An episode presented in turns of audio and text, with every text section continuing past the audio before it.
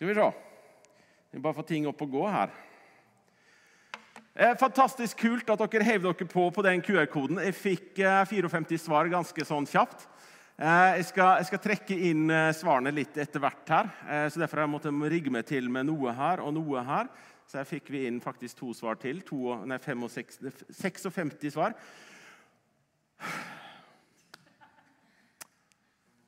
Her var det mange kropper i dag. Vi har ei hel kjerke full av kropper. Jeg har et spørsmål til deg. Tar du med deg den kroppen der overalt? Ja, selvsagt så gjør du jo det, fordi vi er da hele mennesker bestående av ånd, sjel og kropp. Tre i én, som er uatskillelig. Nå må det jo sies da, altså vi, er, vi er ikke alltid til stede, selv om vi sånn fysisk kan være til stede. Fordi vi har jo den evnen at tanken kan drifte av gårde. Vi dagdrømmer, og kanskje særskilt når noe er kjedelig. Så jeg håper ja, i dag at jeg klarer å, å, fange fokuset ditt såpass at jeg ikke ender opp med å bare snakke til en haug med kropper som har tankene et helt annet sted. Jeg har et annet spørsmål. Har du tatt med deg troen din hit i dag? Eller lå den her og venta på deg siden sist gang du var her? Pleier du å legge den igjen her i kjerka når du går herfra etter gudstjenesten? Selvsagt gjør du ikke det. For troen, den er jo Kunne vi bare starta presentasjonen, sånn at vi får den opp på veggen her? Troen som du har fått når du har tatt imot Jesus Kristus, den er en integrert del av deg. Det er ikke som ei bok i bokhylla du tar med deg når du trenger han. Han har tatt bolig inni deg. Og som vi kan lese da i Romerbrevet kapittel 10.: For hvis du med din munn bekjenner at Jesus er Herre, og i ditt hjerte tror at Gud har oppreist ham fra de døde, da skal du bli frelst. Med hjertet tror vi, så vi blir rettferdige, og med munnen bekjenner vi, så vi blir frelst. På samme måte som at du er integrert med din egen kropp, så er troen blitt en integrert del av deg. Og Derfor bærer du den med deg overalt hvor du går, uavhengig faktisk av hvor synlig eller ikke synlig den skulle være. Så hva da med verden? Er det sånn at det én verden her inne, og så er det en annen verden der ute? Nei, det er kun én verden. Bibelen sier, 'For så høyt har Gud elska verden at han gav'. Hele verden tilhører Gud. Hver eneste bit, hvert eneste snøv, støvfnugg, hvert, hver eneste smule, hver eneste bits and pieces tilhører Gud. Og inn i den verden her kom Jesus Kristus for å bringe sitt rike, sitt kongedømme. Det var en gang en nederlandsk statsminister på slutten av 1800-tallet som sa følgende There is not a square inch in the whole domain of human existence over which Christ, who is Lord over all, does not exclaim, Mine! Jeg skal prøve å oversette den kjapt til norsk. Det finnes ikke en eneste tomme i hele den menneskelige eksistens sitt domene hvor Kristus, som er herre overalt, ikke utbryter 'mitt'. Så det er med andre ord én verden. Det finnes ikke en hellig verden eller en sekulær verden. Hele verden er Guds skaperverk. Men ja, alle aspekter ved livet kan gå i én av to retninger. Det kan eh, reflektere og formes rundt Guds livgivende godhet fra Hans rike. Eller det kan formes rundt de verdier som er gjeldende akkurat her og nå, som om det er alt, og Gud har ingenting med det å gjøre. Å være sekulær betyr derfor bokstavelig talt å kun være forma rundt verdiene i akkurat denne spesielle tidsalder. Gud vil gjenopprette verden ikke redde oss fra den.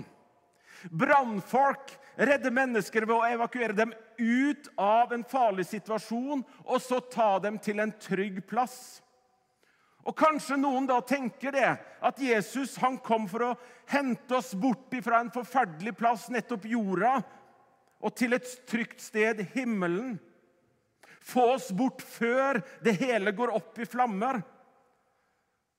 Og Hvis vi tenker slik, så kan det fort lede oss til en forståelse av at hvis alt handler om å bli evakuert bort fra det stedet her, hvorfor skal vi da bry oss om klodens tilstand? Men Jesus han kom ikke for å ta oss ut av verden. Der hvor Gud ikke er konge, så vil det være sykdom, urettferdighet, hat, utnyttelse, død osv. Men det var nettopp derfor Jesus brakte legedom og brøt makten til de undertrykkende kreftene ved å dø og stå opp igjen. I Johannes kapittel 17 så ber Jesus en lengre bønn for sine etterfølgere. Han sier det. 'Jeg har gitt dem ditt ord, men verden har lagt dem for hat.' For de er ikke av verden, slik heller ikke jeg er av verden. Og så sier han videre.: Jeg ber ikke om at du skal ta dem ut av verden, men at du skal bevare dem fra det onde. De er ikke av verden, slik jeg ikke er av verden.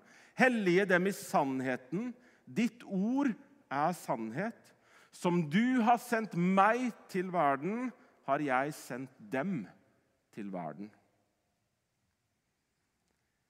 Vi er, som Maria har sagt allerede, inne i en temaserie med 'sendt' som hovedoverskrift. Og Dagens preken sånn som jeg har forstått det, er den første av tre taler som jeg skal vinkle det her videre inn på hva som står i veien for å tenke på seg sjøl som sendt. Og så har jeg da fått et undertema hva er åndelighet? Så hvorfor har jeg da gått denne omveien via kropp og tro og verden? Jo, det er nettopp fordi at jeg ønsker at vi skal ha en felles forståelse av at vi som etterfølger av Jesus Kristus, vi er for det første hele mennesket. I en hel verden som Gud har skapt, og som tilhører ham. Og at vi ikke kan skille mellom en verden inne i kirka og en annen verden utenfor kirka. Og videre at vi representerer Jesus fordi troen er integrert i oss. Vi representerer Jesus. Du er jordens salt. Du er verdens lys. Der du er, til enhver tid.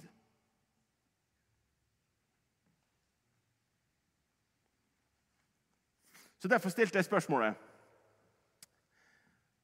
Utover familien, hjemmet, hvor bruker du mest tid? Nå skal vi se her. Ja, helt klart Det store antallet er på jobb.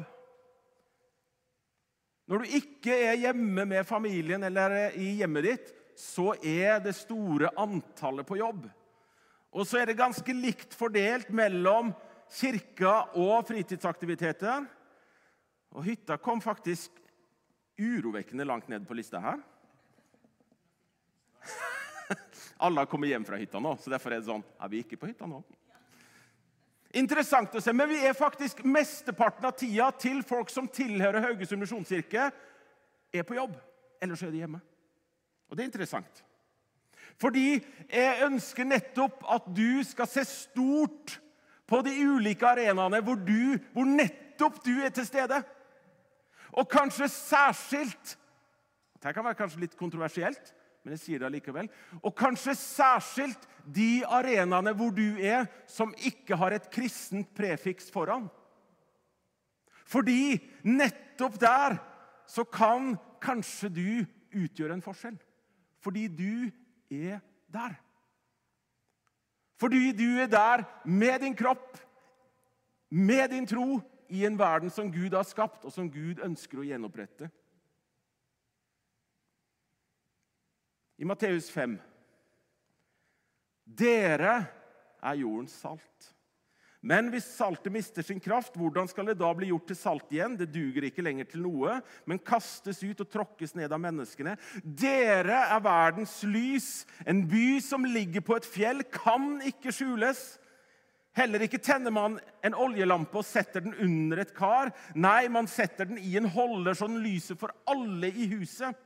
Slik skal deres lys skinne for menneskene, så de kan se de gode gjerningene dere gjør, og prise deres Far i himmelen. Du, meg sjøl, vi, vi er alle jordens salt og verdens lys. Og mesteparten av den tida lever vi utenfor veggene av kirka. Og der er du sendt for å være lys og salt og bety en forskjell, bringe håp, gjenopprettelse som sykepleier, som lærer, som håndverker, som taxisjåfør, som leder, som sosionom, som pensjonist, som fotballtrener. Lista er lang. Som artist. Fordi akkurat der du er, så representerer du Jesus og hans kropp på jorden, som er kirka. Så, så hva er da åndelighet, da? Hvordan skal en forklare åndelighet sånn kort og enkelt og håndgripelig? Fordi åndelighet kan fort virke så svevende. Det er noe abstrakt, noe, det er så lite konkret og praktisk vanskelig å sette fingeren på. Litt sånn flytende. Men det trenger ikke å være slik. Vidt definert så kan vi si at åndelighet har med gudsdimensjonen ved det menneskelige livet å gjøre. Fordi vi består av ånd, sjel og legeme. Vi er ånd, sjel og kropp. Du er ånd, sjel og kropp. Min tidlige lærer på Ansgarskolen, Lars Råmundal, definerte åndelighet som nærhet. Jeg syns den var ganske fin. Det handler om nærhet til Gud. Nærhet til ditt sanne jeg. Og nærhet til dine medmennesker. Og bibelsk åndelighet består ikke bare av seire og framgang og oppgang, men bibelsk åndelighet består også av nederlag og svakhet. Både synsbekjennelse og frimodig bekjennelse av vår frihet i Kristus. Og en slitesterk åndelighet den vokser fram nettopp i samspillet og balansen mellom disse ulike komponentene styrke og svakhet, motgang og medgang. Og åndelighet skal derfor være noe frigjørende og noe livgivende. Og likevel, da, så er jo vi mennesker, og vi tenderer fort til å sette ting i båser. Og Vi kan fort da gjøre åndelighet begrensa til at det har med noen spesifikke områder av livet å gjøre, eller at det er knytta kun til spesifikke handlinger. På starten Det andre spørsmålet som jeg ba dere om å svare på, det var hva du ville støtte økonomisk. Barne- og ungdomsarbeidet er jo av, av 57 svar så, bar, så har barne- og ungdomsarbeidet fått 45 av svarene. Tanken min er ikke å sette noe opp imot noe annet. Men jeg har likevel lyst til å stille spørsmålet hvorfor er det så enkelt for oss å støtte klassisk misjonsaktivitet i et annet land? Men som skulle gi støtte til en kristen artist eller musiker eller kunstner som ønsker å bety en forskjell innafor sitt miljø i Norge, sitter mye lenger inne. Hvorfor skiller vi slik? Og Poenget mitt er rett og slett å få oss, forsøke oss til å tenke utenfor boksen. Utenfor de rammene som vi er så vant til. Fordi vi har skapt, og vi går i faste rutiner. Vi er rutine mennesker i utgangspunktet. Og vi ender da fort opp med å ikke stille noen spørsmål rundt hvorfor. Forleden søndag så hørte jeg en tale på podkast der følgende historie ble fortalt. Kanskje noen av dere har hørt den. En pastor stranda på en øde øy. Men han var ikke særlig bekymra, fordi han hadde full tiltro til at Gud ville redde ham ut av situasjonen. Så gjennom bønn søkte han Gud og la den vanskelige situasjonen i Guds hender. Så ble han avbrutt av et cruiseskip som kom seilende forbi. 'Hei, trenger du hjelp?' 'Nei', sa pastoren. 'Jeg har lagt saken i Guds hender, og han vil komme meg til unnsetning.' Det gikk en dag og to. Så kom en fiskebåt seilende. Og De så den skipbrudne mannen, og de ville komme ham til unnsetning. Men igjen så takka pastoren høflig nei takk og henviste til at han var viss på at Gud ville komme ham til unnsetning. Og så gikk tida. Og Det varte og det rakk. Og Han ble mer og mer utålmodig inntil han til slutt sa til Gud ah, 'Hva som skjer da, Gud? Hvorfor vil du ikke redde meg?' Og Så svarte Gud tilbake, 'Hva mener du? Jeg sendte deg to båter.'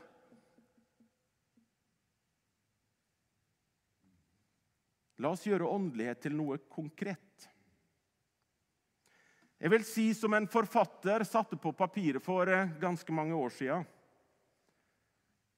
Kirkens tilnærming til en snekker er vanligvis begrensa til å formane ham til ikke å være full eller å sløse bort fritiden, og til å komme til kirken på søndager. Hva Kirken burde fortelle ham, er dette at det aller første kravet hans religion stiller til ham, er at han skal bygge gode hus. Kan vi gjøre åndelighet til noe konkret? Jeg skal være så frimodig i dag at jeg skal dele fra fire arenaer fra mitt eget liv hvor jeg sjøl mener at jeg utøver åndelighet. Og Nå må jeg si det her, da. At jeg gjør ikke det her fordi at jeg har noen sånne tanker om at jeg er veldig eksepsjonell på dette området. Men det var egentlig så enkelt som at eh, det var svært lett for meg å få tillatelse av meg sjøl til å bruke mine egne historier. Og så har jeg jo da også best kjennskap til mine egne erfaringer. Men så tenker jeg at det som jeg har opplevd, har garantert også noen andre opplevd. Første arenaen min. For noen dager siden så tok jeg meg tid til en tilfeldig samtale med en nabo ute på Hageland når jeg var ute og gikk tur. Akkurat der. Og så tenker du ja, men det her Jan Egil, er jo ikke åndelighet, det her er jo bare vanlig høflighet. Selvfølgelig stopper du opp og tar en prat når du treffer en nabo. Men jeg er ingen god smalltalker. Jeg føler at jeg fort går tom. Jeg har ikke noe å prate om. Jeg har ikke spørsmål å stille.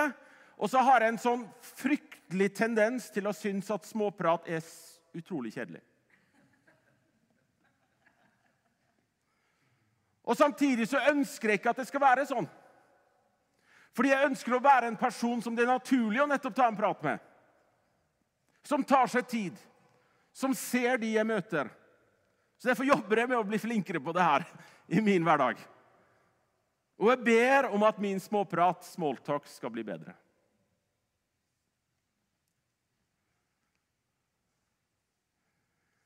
Jeg hadde vært ute og fiska. Så kommer jeg tilbake igjen til der hvor jeg har båten. Og Så ser jeg på brygga ved siden av at der står det et ektepar. Og jeg skjønner jo med en gang at de skal prøve å få den båten her på land. Så jeg hjelper de da med å få båten opp, slik at de kan vinterlagre den trygt til neste sesong. Og Så tenker du ja, men det her er jo vanlig hjelpsomhet. Alle gjør jo det. Ja, Men min første tanke var hvordan kan jeg komme unna det her? Kan jeg legge båten min enda lenger bort? Så at det liksom ikke blir så veldig kunstig at jeg bare går. Det var min første innskytelse.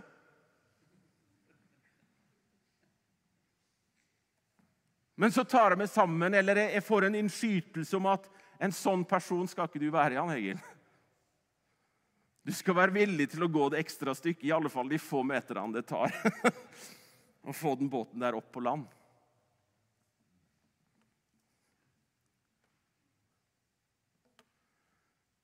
Jeg vet ikke om du er klar over det, men jeg arrangerer og spiller innebandy stort sett to ganger i uka her i kirka.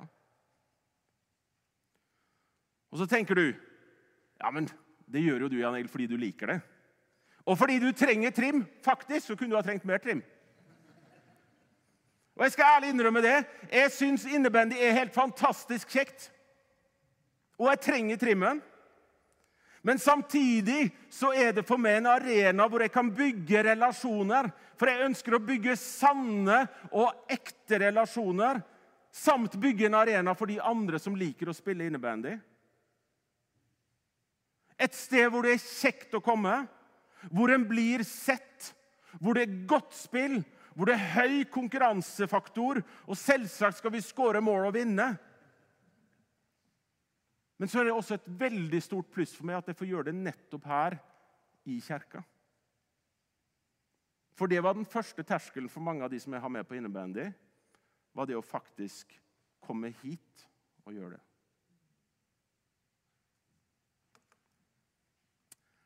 Den siste arenaen jeg er ambisiøs. Og jeg ønsker å gjøre en god innsats på jobb. Og jeg ønsker å være en god kollega. Ja, Selvsagt ønsker du det. Alle, vi vil, vil, vil, jo alle ha en jobb vi kan få betalt for. Jan Egil. Det er ikke noe rart i det. Jeg setter pris på å ha en jobb som utfordrer meg. Og som selvfølgelig bidrar til å betale for hus og hjem, og særskilt nå også strøm. Men samtidig så ønsker jeg å være en arbeidstaker som har integritet og karakter. Fordi i alle fall på min arbeidsplass så kan du støte på etiske utfordringer, moralske utfordringer. Vi driver med business, og kapitalismen er kynisk. Hvordan skal jeg ivareta også et menneskelig aspekt i den jobben som jeg har? Hvordan kan jeg være en leder som har tid, som kan vise oppmerksomhet, og som spiller andre gode?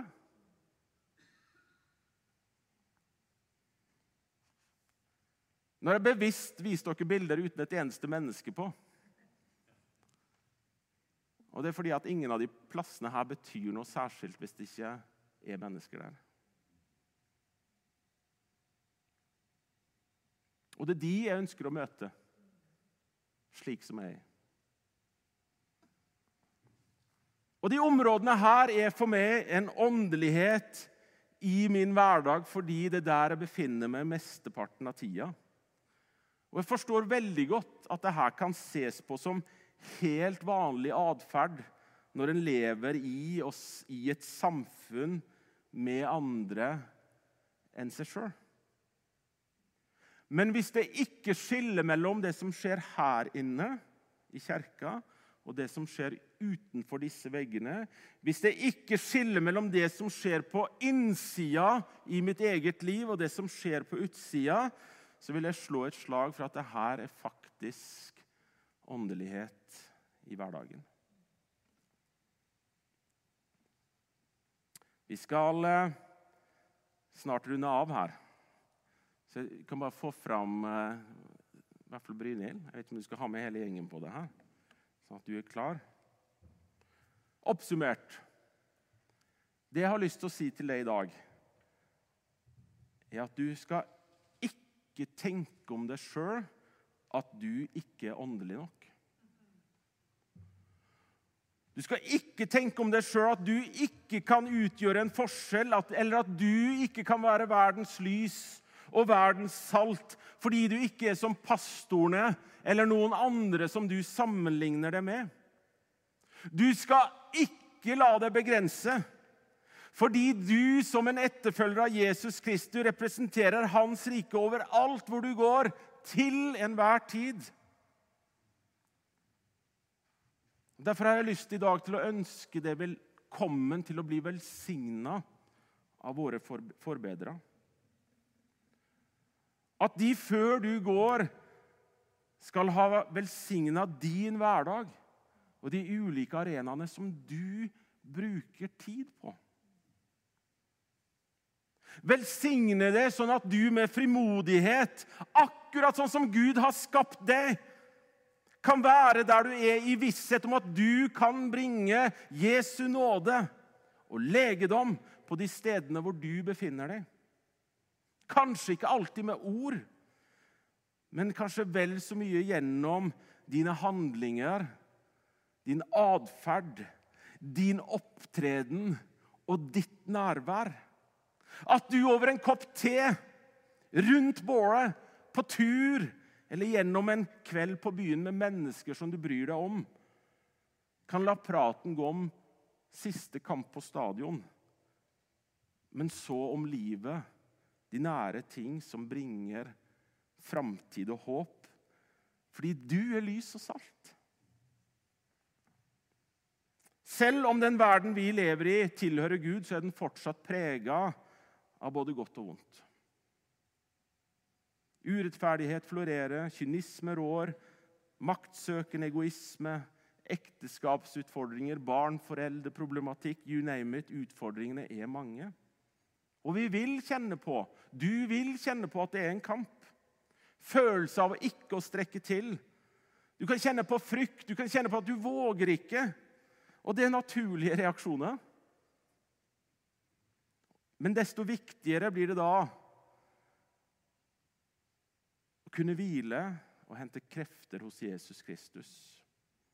I hans fellesskap, menigheten, og gjennom gudstjenestefellesskapet. Og Derfor har jeg lyst til at du skal lytte særskilt til den sangen som kommer nå. For jeg tenker at Den skal du la gå inn i ditt hjerte, og så skal du tenke at det håpet som ligger i den sangen der, det skal du ta med deg i din hverdag. Og la skinne igjennom til de du møter. Vær så god, Brynhild.